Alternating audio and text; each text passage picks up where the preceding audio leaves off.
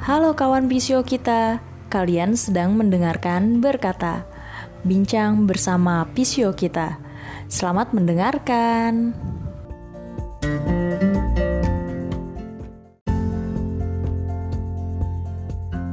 Manusia itu bukan mesin, gitu loh.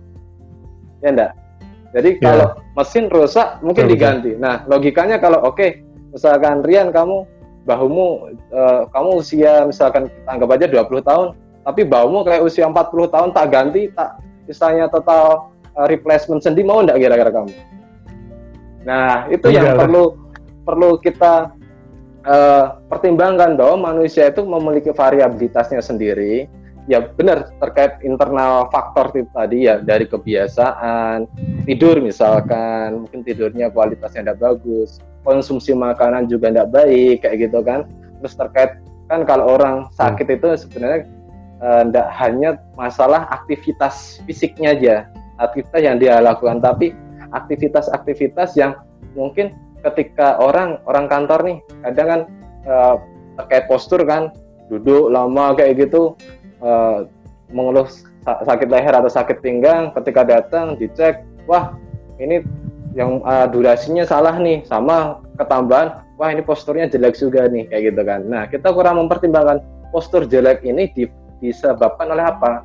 Karena kalau kita mau melihat riset uh, ada faktor terkait emosional mood dan psikis itu menyebabkan uh, perubahan awareness uh, dari tubuh kita. Dalam artian orang yang misalnya moodnya lagi jelek ataupun dia lagi kondisi sedih misalkan dia mengadopsi postur yang lebih membungkuk dibandingkan orang-orang yang optimis Iya, ya pasti murung kan. itu itu yang kadang wah posturnya jelek nih nah, tapi kita tidak mau menelusuri lebih lanjut posturnya jelek ini gara-gara apa? Misalkan kayak gitu ya.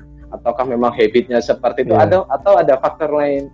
Nah kita ya, selama ini hanya sebatas wah posturnya jelek kita koreksi. Tapi kan itu kan sebenarnya kalau kita mau melihat riset postur jelek itu bisa disebabkan dari faktor yang lain. Jadi itu sebenarnya hanya eh, kita baru di permukaannya aja belum sampai ke dalamnya gitu nah itu yang eh, mau aku tekankan bahwa paradig pergeseran paradigma saat ini kenapa kok paradigma eh, model perawatan biomedis yaitu masalah terkait penyakit itu kan ter- selalu dikaitkan dengan patologi-patologi itu agak sedikit bergeser ke biopsikososial jadi dalam artian biopsikososial itu tidak menolak adanya patologi yang bisa berkontribusi dalam suatu keluhan tidak hanya terkait cedera terkait keluhan sakit atau bahkan keluhan-keluhan yang uh, berbau misalkan di lingkup neurologis stroke misalkan stroke uh, kalau kita mau telusuri permasalahannya di apa? Tekanan darah tekanan darah tinggi misalkan pecah pembuluh darah misalkan. Apa yang menyebabkan itu? Orang stres. Nah kalau kita hanya uh, fokus pada oh kontrol tekanan darahnya aja tapi tidak mengkontrol faktor stresnya istilahnya enggak tidak mungkin bisa manajemen hasil-hasil dari manajemen akan optimal kan kalau seperti itu. Nah itu yang sebenarnya perlu kita bareng-bareng nih eh, membuka wawasan lah. Oh ternyata ada suatu paradigma yang kita bisa melihat secara komprehensif, secara gambaran yang lebih besar dibandingkan hanya spesifik kita melihat wah sakit ankle, wah keluhannya hanya ankle nih. Tapi kan kalau secara performa mungkin Rian paham sendiri bahwa ankle sama lutut sama hip itu kan se- secara kinetiknya kan kan agak ah, berkaitan kan. Mungkin masalah cederanya di Iya, ankle tapi korelasi, ya. masalahnya di hip seperti itu kan. Nah ini yang perlu Iya, banyak kita sekali lihat gambaran yang lebih besar gitu. Ya, betul Mas. Jadi kayak yang tadi Mas bilang ya, kayak misalnya nih, saya pernah nemuin Mhm. juga Mas, dia di Mhm. ankle ternyata kesalahannya dia itu bukan di ankle-nya, tapi pada hipnya. misalnya hipnya ya kayak gini nih misalnya. Misalnya dia sering sprain Mhm. ankle karena dia uh, pelviknya tinggi Mhm. sebelah misalnya. Apa yang apa kita treat itu dari padahal dia dari lahir misalnya Bawaan ya berarti ya. pelviknya tinggi sebelah. Iya, yang kita bikin, yang kita bikin hal itu desain dia nyaman dan dia nggak mikirin hal itu yang harusnya jadi acuan kita. kayaknya kalau saya pribadi ya, kalau saya pribadi kalau saya nemuin itu dari yang hipnya tinggi sebelah, misalnya beda 15 derajat atau Mhm. 10 derajat misalnya, itu saya nggak mungkin bisa buat dia secara eh, drastis Balik gitu lagi ya. Eh, penurunan Balik normal Iya ya. balik lagi gitu. Kayaknya kayaknya hampir nggak Oke, mungkin benar, ya benar. misalnya ya. Kalau kalau saya kayak kalau saya pribadi ya, yang saya tanamin adalah latihan buat eh men- eh, apa menyiapkan beberapa komponen kamu sebelum kamu return to sport. Coba latih ini Ah, kamu- Aha. nyaman atau enggak. Coba kita pakai alat misalnya ada tambahan misalnya kayak insole gitu. Insole kan eh, coba kita pakai Hmm. insole eh, latihan pakai insole terus sepatunya dan latihannya kita desain coba ya kita Hmm. kita tes gitu. Misalnya nih, tinggi pelviknya cuman turun 2 derajat. Tapi yang tadinya dia nggak bisa ngelakuin Mhm. hop test atau single hop test, lat- Mhm. eh, lateral hop test, Mhm. tadinya dia nggak bisa, terus dia bisa, ya kan aman-aman aja tuh, sah-sah aja. Yang penting balik lagi fungsionalnya nggak apa-apa gitu. Dan Oke, berarti istilahnya pemakaian kayak insole tadi tergantung mempengaruhi performa jadi lebih optimal ya, atau tidak gitu ya. maksud saya begitu. Ada juga ah bi- kok biasa Oke. aja pakai insole sama nggak pakai insole biasa aja, malah lebih nyaman nggak pakai kayaknya deh. Iya. Nggak pakai. Karena- oke. Karena aku juga sering uh, atlet-atlet Iya. lari nih misalkan itu kan biasanya wah ini overpronasi nih kayak gitu kan kalau lari jadi ankle-nya kadang lututnya sakit. Tapi ketika malah dikoreksi gitu loh. Karena kan bahwa kata dokter atau kata fisioterapis ini ada flat nih, ada flat fit nih gitu kan. Dikoreksi Hmm. dengan insole, pemakaian insole seperti itu justru malah nambah parah sakitnya Iya, gitu karena loh. dia Wah mas gimana karena dia ya mas gitu. kompensasi pasti dia nyari titik Iya. nyamannya dia Ya, ketemu terus dia juga adaptasi lagi kan. Jadi eh, motor learningnya jadi berubah gitu. Hmm. Dia yang pola larinya jadi Iya, berbeda ketika pakai insole yang sebelumnya nggak pakai insole gitu kan.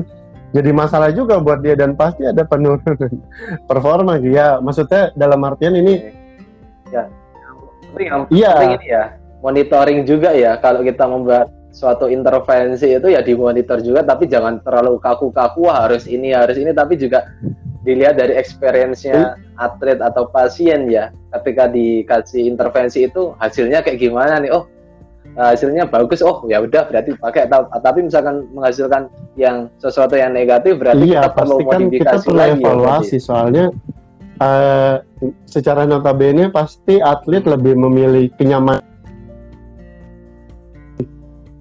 eh, keilmuan kita misalnya harus pakai tapping harus pakai insole harus pakai ini. Terlalu banyak yang dia pakai dan malah semakin membuat dia jadi nggak nyaman itu malah kita menimbulkan restriksi. Padahal tugas kita di sini mengurangi Oke. restriksinya itu gitu kan. Kayak malah jadi tidak Iya, optimal ya kuncinya di sini ya balik lagi yang Mas Firman bilang, komunikasi, komunikasi sangat penting. Komunikasi sebelum dan sesudah terapi, komunikasi pada saat kondisi maintenance, kondi- monitoring pada saat Mhm. setelah terapi itu sangat penting sih menurut saya. Kan nggak kita nggak bisa idealisme gitu terhadap keilmuan kita. Ya balik lagi, eh, nggak ada yang sia-sia sebenarnya. Maksudnya Oke.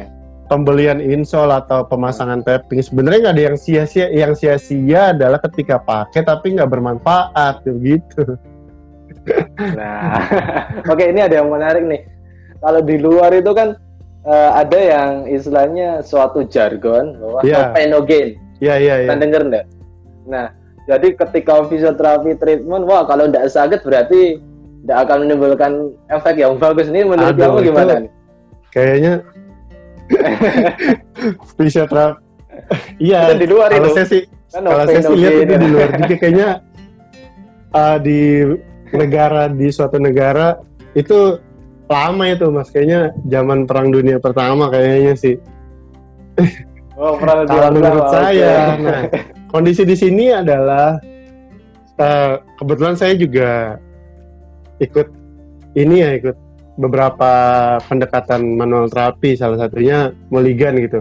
Hmm. Di Mulligan yang ya yang di Mulligan, itu yang ya. paling penting ketika kita mencoba mengkoreksi alignment, mengkoreksi sedikit disposisi mirror mi- mirror disposisi lah pada kondisi sendinya nggak boleh dia sakit gitu nggak boleh dia nyeri karena Oh, nggak Iya, boleh menimbulkan nggak boleh rasa sakit menimbulkan ya ya. Iya, ketika karena kita treatment. ketika ada nyeri pasti ada suatu guarding gitu guard, guarding spasm gitu misalnya atau suatu bentuk Ah. proteksi dari sistem saraf pusatnya kayak misalnya dipencet sakit otomatis kakinya langsung ditarik gitu misalnya nah pendekatan di sini Hmm. nggak seperti itu ternyata udah lebih ke arah yang harus pain free bahkan ah kebetulan saya Hmm. ada dua eh dari awal dari kuliah ada dua pendekatan yang saya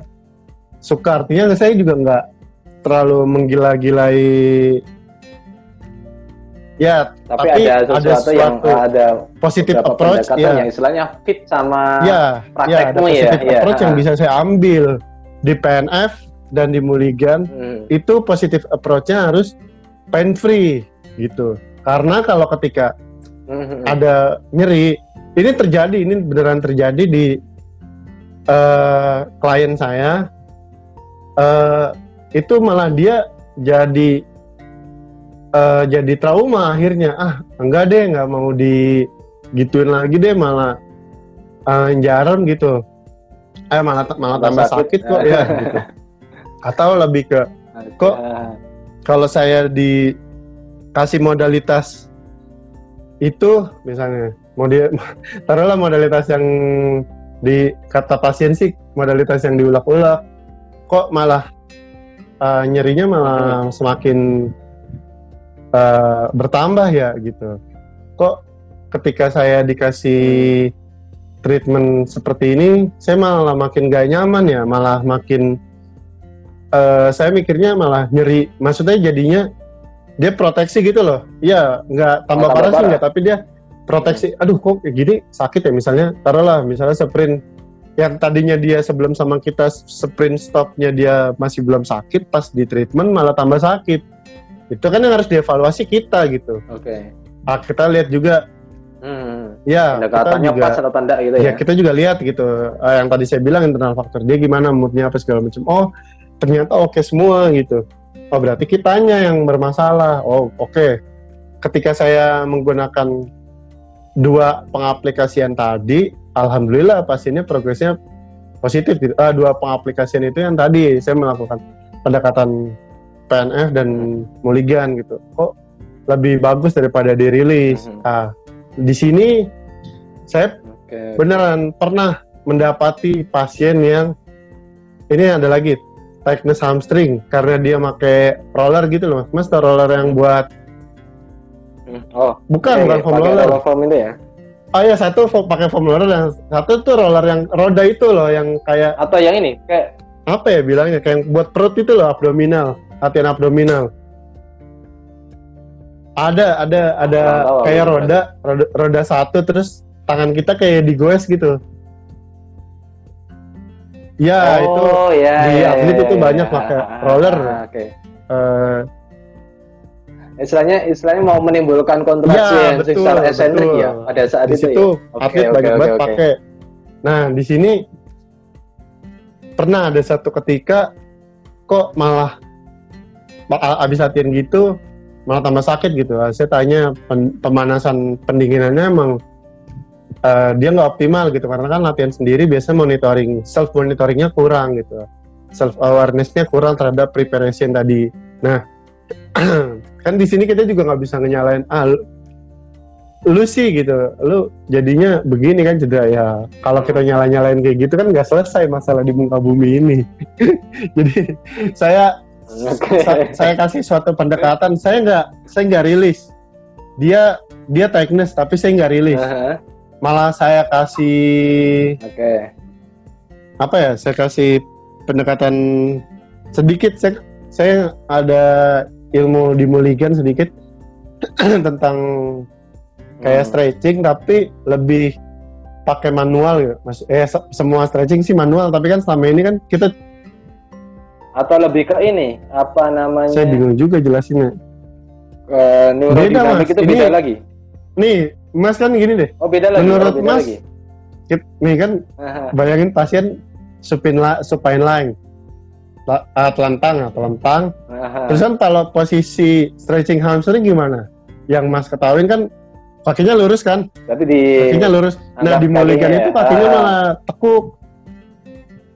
Nah, kakinya malah tekuk. Oke, aha. Terus ya, tekuk tuh ya, posisi lutut lututnya berarti ya. tekuk. Tekuk lututnya berarti. ya? Terus? Oke. eh eksorotasi hip. Nah, kayak gitu kalau nggak Ya, salah ya. aha. Nah, di situ eksorotasi hip plus sedikit plus sedikit kontraksi isome eh, kontraksi yang bersifat eksentrik. Saya pakai pendekatan eh, combination of isotonic. Jadi saya kasih saya kasih edukasi dulu kan buat control learningnya dia. Ini gerakannya kayak gini. Gimana? Oh iya iya kerasa kerasa. Nah, terus saya kasih 3 sampai 8 kali. Ah, ini gerakannya kayak gini. Nanti selanjutnya a- nanti ada arahannya. Nanti eh, ada push, Hmm. ada dorong, ada tarik gitu. Nah, nanti ikutin aja tangan saya, tangan saya ada di mana, dorong, tangan saya ada di mana, tarik gitu. Nanti saya kasih instruksinya lah, kurang lebih kayak gitu. Nah, di situ seketika langsung pain free.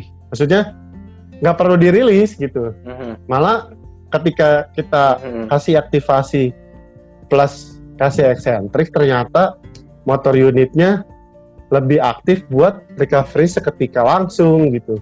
Nah di situ feedbacknya oh iya ya, enak ya gitu. Ada- di situ kan jadi saya menghemat tenaga saya Nah. untuk ngerilis gitu. Oh iya. Supaya Iya. efektif dan efisien ya dari Iya, segi tenaganya ketika- ya. ngasih treatment juga gitu. Pasti saya lihat mimik mukanya ketika dia bilang oh nggak sakit tapi kan mukanya meringis ya podo ae gitu. Mhm. Nah tapi kan yang Oke oke. Saya- Ah. terus komunikasi karena komunikasi itu jadi suatu fondasi dalam memulai suatu treatment menurut saya.